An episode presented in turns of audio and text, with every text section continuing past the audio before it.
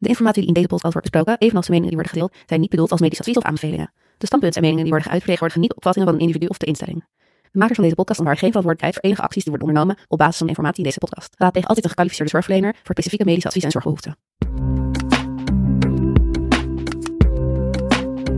Deze podcast wordt je aangeboden door de makers van het ziekenhuis. De medische podcast uit Nederland voor het delen van verhalen over diagnostisch redeneren, wetenschap en innovaties in het zorgsysteem. Vandaag luister je naar De Internist, de klinische redeneertak van deze podcast. Goedendag en welkom bij De Internist. Elke aflevering zullen met vooraanstaande experts en specialisten de diepte induiken in een medische casus of onderwerp. Ik ben Sarah. En ik ben Henry. Wij zijn geneeskundestudenten uit Amsterdam en nemen je graag mee op reis door de complexe en fascinerende wereld van de klinische redenering. Vandaag hebben we bij ons dokter Marije Bomers. Dr. Bomers heeft in 2004 opleiding geneeskunde cum laude afgerond aan de Vrije Universiteit. En in 2005 begon ze haar opleiding tot internist in het Sint-Lucas Andreas ziekenhuis. Tegenwoordig ook wel bekend als uh, OVG West. Uh, zij ronde deze af in 2011 met een specialisatie in infectieziekten aan het VU Medisch Centrum. Nou, daar is zij nu ook werkzaam als infectioloog. Uh, waar ze naast haar toewijding aan onderzoek en patiëntenzorg ook erg betrokken is bij de opleiding en educatie van medische studenten, co-assistenten en artsassistent. Welkom. Dankjewel, dankjewel.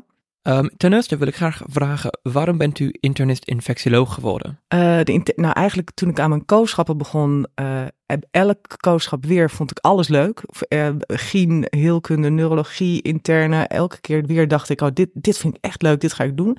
En toen ik het hele rondje had gehad, toen was eigenlijk het, het ja, wat, wat iedereen altijd zegt, maar het puzzelende, dat trok me uiteindelijk het meeste aan. En toen aan het eind van mijn kooschappen, toen vond ik eigenlijk toch met eh, de interne het meest interessant. Ik, uh, het komt ook bij dat ik echt wel twee linkerhanden heb. Dat helpt ook niet. En dat ik uh, ja, gewoon een oprechte interesse heb in hoe de mensen in elkaar zitten. En dan bedoel ik niet alleen puur lichamelijk, maar gewoon hoe mensen klachten ervaren. En ik vind het leuk om te luisteren. En voor als internist ben je toch vaak vooral proberen ja, te, te luisteren. Wat probeert iemand me nou eigenlijk te vertellen? Dus ook eigenlijk wel het mensencontact naast het puzzelen. Ja, zeker. Ja, absoluut. En is die nieuwsgierigheid ook gebleven nog? Ja, zeker. Ja, ja. Zeker. Dus ook een vak waarin je blijft leren elke keer. Ja, zeker. En uh, je merkt ook op de eerste hulp bijvoorbeeld, um, als, uh, ik denk als, als jongere collega, leun je heel erg op je bloedwaarde en op de uitslagen van je foto's en weet ik wat allemaal. Maar als, als supervisor dan krijg je eigenlijk iemand alleen in de vingers, een patiënt alleen in de vingers, als je zelf heel even hebt gekeken en gehoord wat is nou precies het probleem en hoe vertelt iemand dat. En dat is, ja, dat is gewoon erg leuk. Ja. ja, dat kan ik me best goed voorstellen. En dan hebben wij nog een vraag voor u. Eigenlijk een heel ander thema, maar wel iets wat ik zou graag willen weten. Zou u een recent uh, gelezen boek of film kunnen aanbeleven aan onze luisteraars die een impact op u heeft gehad? ja, daar overval je me wel een beetje mee. En die een impact op mij heeft gehad is misschien een beetje groot, maar ik zit helemaal in een boek. En dat is het boek van Justin Cronin. Het is een beetje een guilty pleasure. Het is namelijk een soort van uh, futuristische thriller, maar het leest als een trein en het heet uh, The Passage. Althans, ik lees het in het Engels. Volgens mij heet het in het Nederlands De Oversteek. Ja, dat klinkt Engels wel beter. nou, als je zin hebt in iets wat je gewoon als een flink page turner, dan raad ik het steker aan. Oké, ja. Bedankt voor die suggestie. Zullen wij dan uh, beginnen met de casus? Wij gaan vandaag spreken over een patiënt die bij u is gekomen op die afdeling. Een 64-jaar man meldt zich op de afdeling interne geneeskunde met kortademheid. Moeite met lopen en zwakte in de benen tot het punt waarop hij zijn eigen gewicht niet kunt kunnen dragen en soms door zijn knieën zakt. Nu, wat zijn uw eerste gedachten over deze presentatie? Ja, dus deze meneer die, die, die kwam uh, aan de ene kant met uh, kortademigheid en aan de andere kant inderdaad met moeite met lopen, vooral moeite met de trap oplopen. Nou, die kortademigheid, dat was iets wat al, al langer bestaan, bestaat. Ik ken deze man al langer van de poli en dat was toch iets wat maar de afgelopen jaren steeds meer was opgevallen, dat hij zeker bij inspanning steeds kortademiger werd. En aan de andere kant had hij nu dan, uh, ja, hij zegt dat, zij vertelde dat hij zich ontzettend beroerd voelde en dat hij geen trap eigenlijk meer op kon en dat hij nog geen 100 meter kon lopen zonder te moeten pauzeren. Ja, waar denk je dan aan? In, ehm, omdat in de tijd deze twee klachten toch wel een ander tijdspad hebben, waren ze niet per se aan elkaar gerelateerd. Ik denk dat als je uh, naar lang bestaande benauwdheidsklachten uh, kijkt, ja, dat heeft natuurlijk best een lange DD, maar vaak is dat toch van pulmonale aard of van uh, misschien cardiale aard. Ehm, dit, deze meneer was een kroegbaas die in zijn jongere jaren veel had gerookt. En als hij dan door de gang liep, um, had hij een vrij piepende experium. Dus ik had al toch wel het idee dat dat misschien wel een uh, obstructieve longlijden was. Hè, bijvoorbeeld COPD bijvoorbeeld beeld of eventueel astma. En dan nu kwam hij vooral met dat probleem dat hij de trap niet meer opkwam. Ja, dat kan ook, dat heeft natuurlijk een hele lange DD, dus daar zou je eigenlijk wat meer over moeten vragen. Je kunt je natuurlijk van allerlei ziektebeelden wel voorstellen dat het uh, moeilijker maakt om uh, je in te spannen. Bijvoorbeeld cardiopulmonaal, hè, als je te benauwd bent om de trap op te komen, is dat de beperkende factor. Maar deze meneer um, uh, maar je kunt je ook voorstellen dat het een probleem is van de spieren zelf. Ja, of van uh, of een neurologische aandoening. Heel breed eigenlijk, ja. Nou ja, dan uh, kwam de voorgeschiedenis. De patiënt is werkzaam in het horeca en beveiliging. 30 jaar geleden is hij plotseling neergevallen op zijn werk. Toen hij wakker werd, bleek hij ernstig krachtverlies in zijn benen te hebben, wat zich verspreidt door zijn hele lichaam. Het was gediagnoseerd als een demyeliniserende polyneuropathie als gevolg van Guillain-Barré-syndroom. Meneer is daarvan volledig hersteld, gelukkig.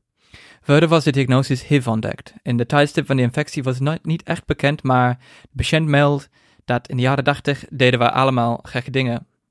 En meneer had in zijn medische geschiedenis ook hypertensie en jicht. Daarnaast heeft hij ook een voorgeschiedenis van roken en alcoholgebruik.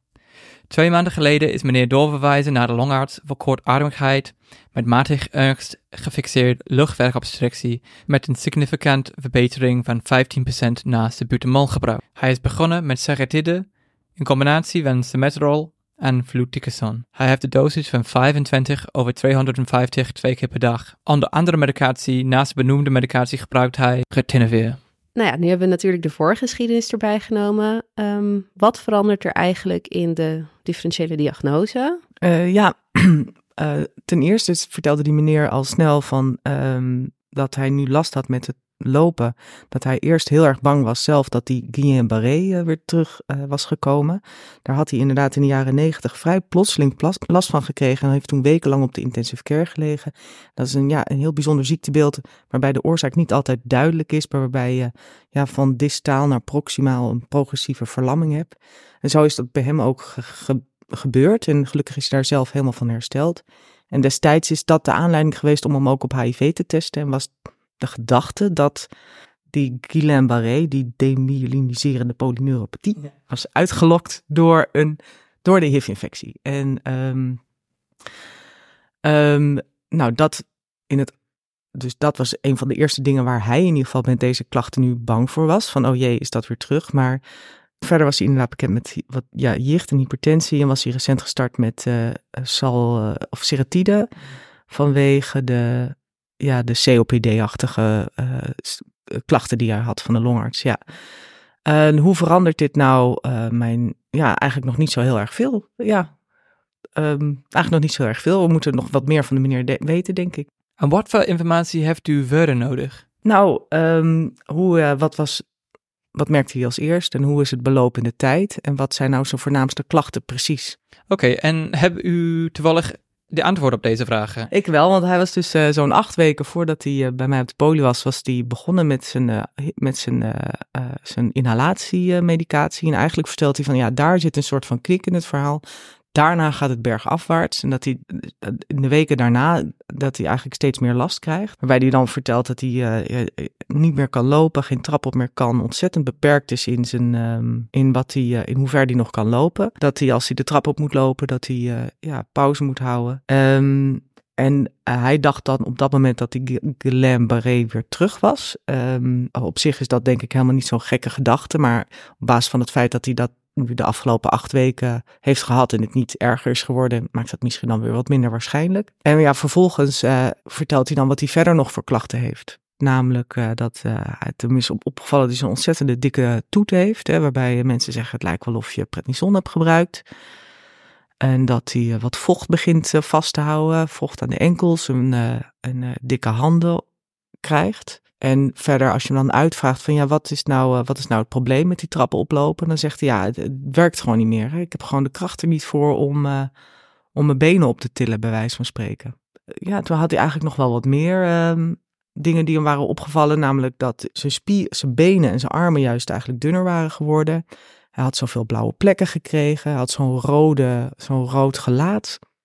En wat ik al vertelde, dus mensen begonnen tegen hem te zeggen: Jeetje, het lijkt wel of je, het lijkt wel of je aan de pretnison bent.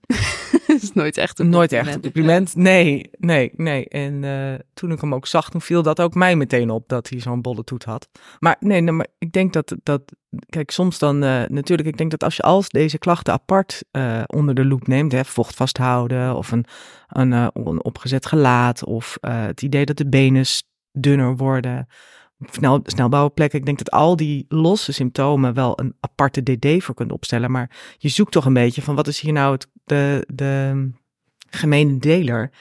En ik denk dat die man het zelf zelf al heeft verteld door te zeggen, goh, mensen vertellen mij het lijkt wel of je aan de prednison zit.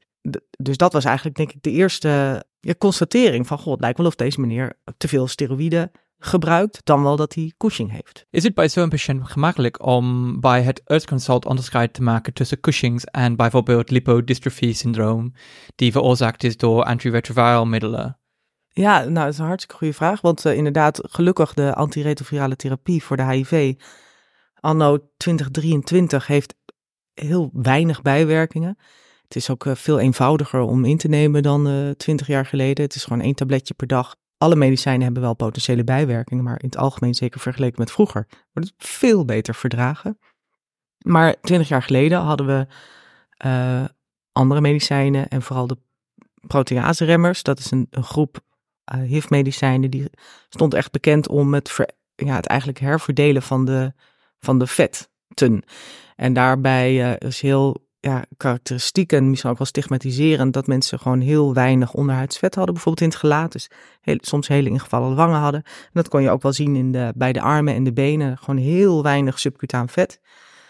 En dat uh, noem je die lipo, lipodistrofie. En soms ging dat ook gepaard met centrale adipositas. Dus dat is best nog wel een goede DD. Maar wat is nou, waarom denk ik dat niet? Omdat zijn klachten in het hier en nu echt in de afgelopen twee maanden waren ontstaan. Terwijl hij de medicijnen die hij gebruikt, gebruikt hij al twintig jaar. Oké, dan. Zo, wat zijn die volgende stappen om deze diagnose te bevestigen? Ja, um, ik denk dat het, uh, dat het, uh, dat je eerst wil weten, nou ja, dat je inderdaad misschien eerst wil weten, is het echt Cushing? Maar toen ik die meneer zag, kon je, daar kon je eigenlijk niet om, omheen. Dus je kunt je best proberen te doen om dat aan te tonen. Cushing is eigenlijk gewoon een, een overschot aan glucocorticoïden.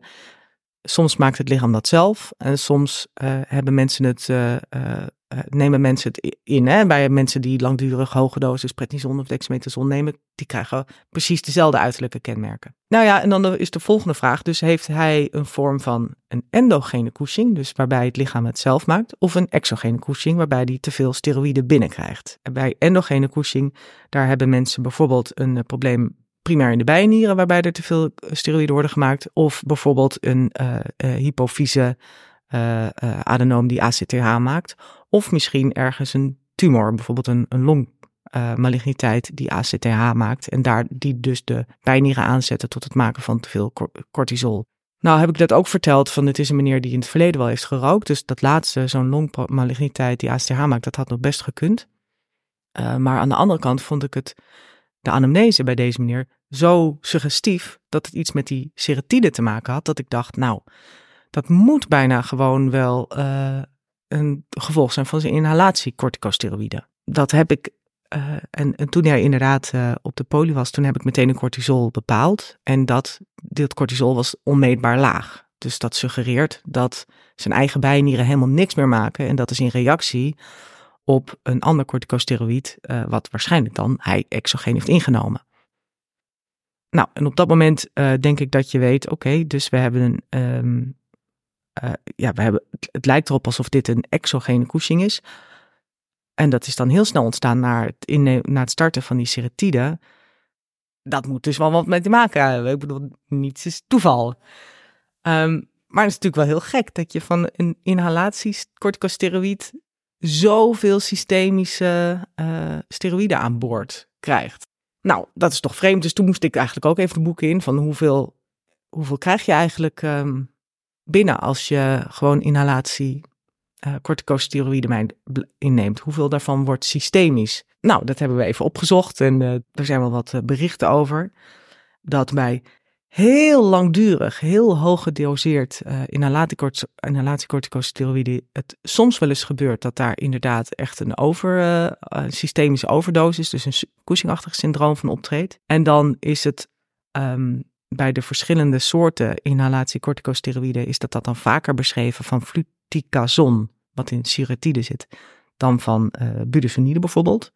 Dus je kunt je eventueel voorstellen bij, dat bij iemand die dat al twintig jaar gebruikt in hele hoge dosering dat wel op zou treden. Maar toch niet na twee weken. Dus dat vond ik eigenlijk wel heel erg vreemd. Dus op dat moment hebben we bloedonderzoek gedaan. En zagen we inderdaad dat het cortisol onmeetbaar laag was. Wat dus erg past bij een, uh, bij dus een exogene uh, overdosering van steroïden. Toen hebben we gedacht, ja, ligt het dan in, aan die inhalatiesteroïden? En eigenlijk kon het toch bijna niet anders dat uh, het toch wel iets met die inhalatiesteroïden te maken zou hebben. Althans, we hebben hem ook gevraagd van, hè, gebruik je an nog andere, uh, andere medicijnen, toch niet een uh, injectie met steroïden of voor wat dan ook, voor de jicht of zo. Of, of iets anders stiekem. Of iets voor, anders voor de anabole steroïden of zo in de sportzaal. Je weet het allemaal niet, maar dat deed hij echt niet. Ja, en dan wil ik de, de luisteraar denk ik maar vragen van hoe zou dat nou kunnen? Nou, denk daar eens even goed over na. En dan gaan we ondertussen maar verder kletsen. Dus aan de ene kant, als je het niet te veel binnenkrijgt, dan ligt het er misschien wel aan dat je het niet voldoende afbreekt.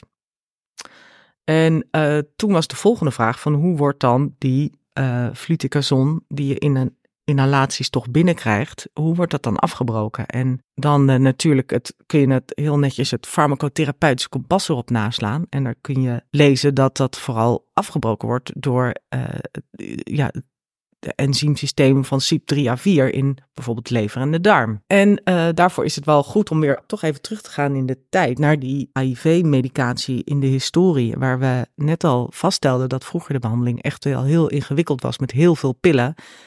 En de reden dat je vroeger zo frequent pillen moest slikken, is omdat veel van die pillen gewoon snel worden afgebroken, vaak in de lever door CYP3A4, waardoor je die medicatie gewoon heel frequent over de dag moest innemen. En um, wat is daar nou vernuchtig op bedacht, is dat als je daar als je bij die HIV-medicatie een zogenaamde uh, booster erbij geeft, dat die booster, die co-medicatie, die uh, wordt ook afgebroken door datzelfde enzymsysteem, die CYP3A4.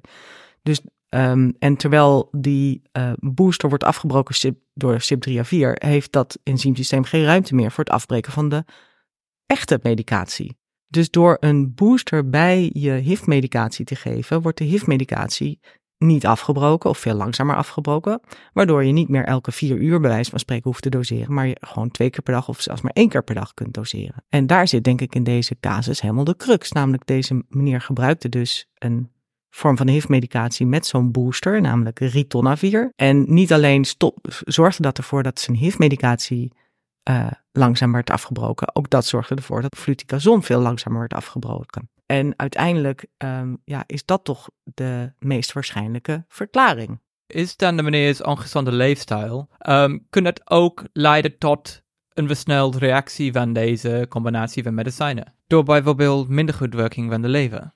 Ja, je zegt dat is denk ik best een hele goede gedachte. Van, kan het niet zo zijn dat zijn lever zo beschadigd is dat dat, dat maakt dat hij die fluticasone niet meer afbreekt? Ja, ik denk dat dat best een goede overweging is. Um, maar je moet je wel realiseren dat tegen de tijd dat je zo'n ernstige leverschade hebt, dat je daardoor, dat gaat wel vooraf door heel veel eerdere symptomen. Hè? Dan vaak zijn mensen toch eerst, nou, bijvoorbeeld worden ze geel of krijgen ze een volle ascitisbuik. Um, uh, krijgen ze stollingsproblemen. Dus uh, ja, ik denk dat het in principe wel waar is. Maar dat is eigenlijk nooit een eerste manifestatie van een heel ernstige levercirrose waar je het dan over zal hebben. Ja, zo Sarah en ik hebben de literatuur doorgenomen. En we waren nogal verbaasd over de snelheid waarmee die symptomen zich ontwikkelt. Zeker in vergelijking met de andere casus die we hebben gelezen. Uh, hoe verklaar u dit dan? Ja, ik ben het met je eens, want het gaat wel echt wel heel hard bij deze meneer. Dat, dat vond ik ook. Um, wellicht speelt het mee, dat kan ik natuurlijk niet uitsluiten. Ehm, maar ik denk dat er heel veel waarschijnlijk zijn er ook veel individuele verschillen. Het is heus niet zo dat de hele populatie exact dezelfde uh, mate van activiteit van dit soort immuunsystemen heeft. Ik denk dat er best heel veel variatie in zit. Ik denk dat het waarschijnlijker is dat er gewoon een grote individuele variatie is van persoon tot persoon. Ja. En wat zijn de vlaggende stappen? Ja, wacht even. Ik denk dat we op, over het voorgaande moeten we ook nog zeggen. Maar ik weet natuurlijk ook nog niet zeker of er niet toch nog ergens een ACTH-producerende tumor heeft. Hè? Ik vind het op basis van de belopende tijd zo waarschijnlijk dat het aan die seratide ligt. Uh, dat zal het wel zijn. Maar ja, strikt genomen uh, heb ik dat nog niet uitgesloten. Dus um, uh, dat, dat, dat zal de tijd, denk ik, aanwijzen. Um, wel zou je dan ik verwachten dat je veel hoger cortisol zou, zou vinden. Hè? Dus dat, dus dat onderdrukte cortisol past er eigenlijk niet bij. En dan, nou dan doe ik even voor de luisteraars even een korte labwaarde ronde. En uh, we zien bijvoorbeeld een HB van 7,9, uh, de trombo's van uh, 163, leuko's 5,5, natrium wat verlaagd met 133 kalium, glucose en creatine normaal. Een uh, eh, EGFR van 88. Cortisol inderdaad onmeetbaar laag, want het was minder dan 30. En voor, uh, nou ja, voor de referentiewaarde moet tussen 250 en 650 zijn. Dus kunnen even voorstellen hoe laag we dan zitten. Uh, en een TSH van 4,0. Daar heb ik wel een vraag over, omdat bij Cushing zou je verwachten hyponatremie, hypo hypokalemie en dan ook een beetje metabole acidosis. Maar dat zagen we niet. We zagen andersom een, een hypo... Ja, ja wat, wat je dus ziet is dat dus um, uh, voordat ik deze meneer op de poli zag, een week daarvoor belde de longarts mij vanuit het andere ziekenhuis van... Uh, hey, dit gaat helemaal niet goed. Um, uh, het zal toch wel wat met zijn inhalatiemedicatie te maken hebben. Laat ik dat vast stoppen. En toen ik de meneer zag voor mij, toen uh, was hij dus al een week uh, was hij gestopt met zijn inhalatiemedicatie. En um, ja, waar ik toen bang voor was, is dat op een gegeven moment als je lang genoeg een overdosering steroïden hebt, dan worden je bijnieren vanzelf heel lui en die gaan dan niks meer maken en die moeten vanzelf weer wakker worden. Dus als mensen langdurig veel steroïden gebruiken, wat we dan doen, is dat we dat langzaam afbouwen, zodat die bijnieren langzaam weer een beetje wakker worden en zelf weer aangaan. En um, bij, ja, de afbouwen van de fluticasone, dat leek me nou ook weer niet een verstandig idee. Dus dat hebben we gewoon van de een op de andere dag, had de longarts dat al gestart. Uh, gestopt, sorry. Maar toen hij tegenover mij zat, ja, toen was ik opeens bang. Toen dacht ik, ja, om dat nou helemaal van de een op de andere dag helemaal te stoppen, is misschien ook wel een beetje spannend dat hij nu juist in plaats van veel te veel steroïden heeft, juist helemaal geen steroïden kan maken zelf, dat hij bijnierschors insufficiënt is. En ja, en dan is een beetje de vraag, waar, waar denken we nou de, dus ja, door het stoppen van zijn inhalatiesteroïden is het waarschijnlijk dat hij op een gegeven moment uh, juist bijnierschors insufficiënt wordt. Het is een beetje de vraag van waar staan we nu op dit moment? Juist aan de hand van uh, die elektrolyten die we hier hebben uh, gevonden, ja, denk ik dat doordat hij al een week was gestopt, dat hij nu zelfs al aan de bijnierschors insufficiënte kant zit omdat hè, de glucocorticoïden hebben ook een beetje uh, aldosteronachtig effect. Waarbij je inderdaad verwacht dat iemand juist natrium vasthoudt en eerder een hoog normaal natrium heeft dan een laag normaal natrium. Vandaar ook de hypertensie, hoog natrium, veel zoutretentie, veel, uh, veel bloeddruk. En uh, bij deze meneer zie je juist dat natrium aan de lage kant is. En je het kalium juist andersom is nu hoog normaal. Dus je krijgt een beetje de indruk dat deze meneer al bijnierschors insufficiënt is geworden. Dus ondanks dat de meneer uh, voor mij zat met zo'n bolle, ja, voor de luisteraar een hele bolle toet, uh, heb ik toen toch maar een lage dosering hydrocortison gestart. In een lage afbouwschema, zodat hopelijk, naarmate we nu aan het afbouwen zijn, zijn eigen bijnieren weer gaan werken. Zo, so, hoe kun je dan die COPD behandelen als de getite is niet gezegd?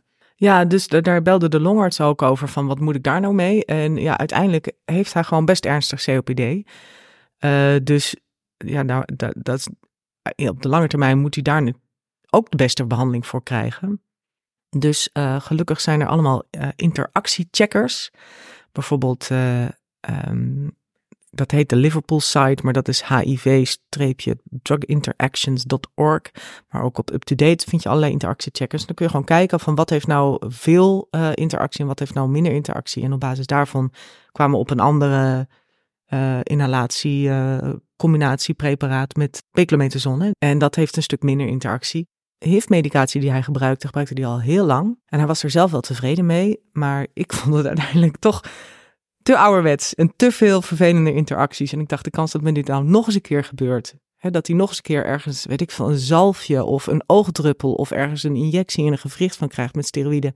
Dat hij weer zo corticoïd wordt, is best groot. Uh, dus uiteindelijk heb ik zijn HIV-remmers ook gemoderniseerd, om het zo maar te zeggen, naar een, uh, een regime wat veel minder interacties heeft. Ja. Ja, anders wordt hij vaste klant natuurlijk. Ja.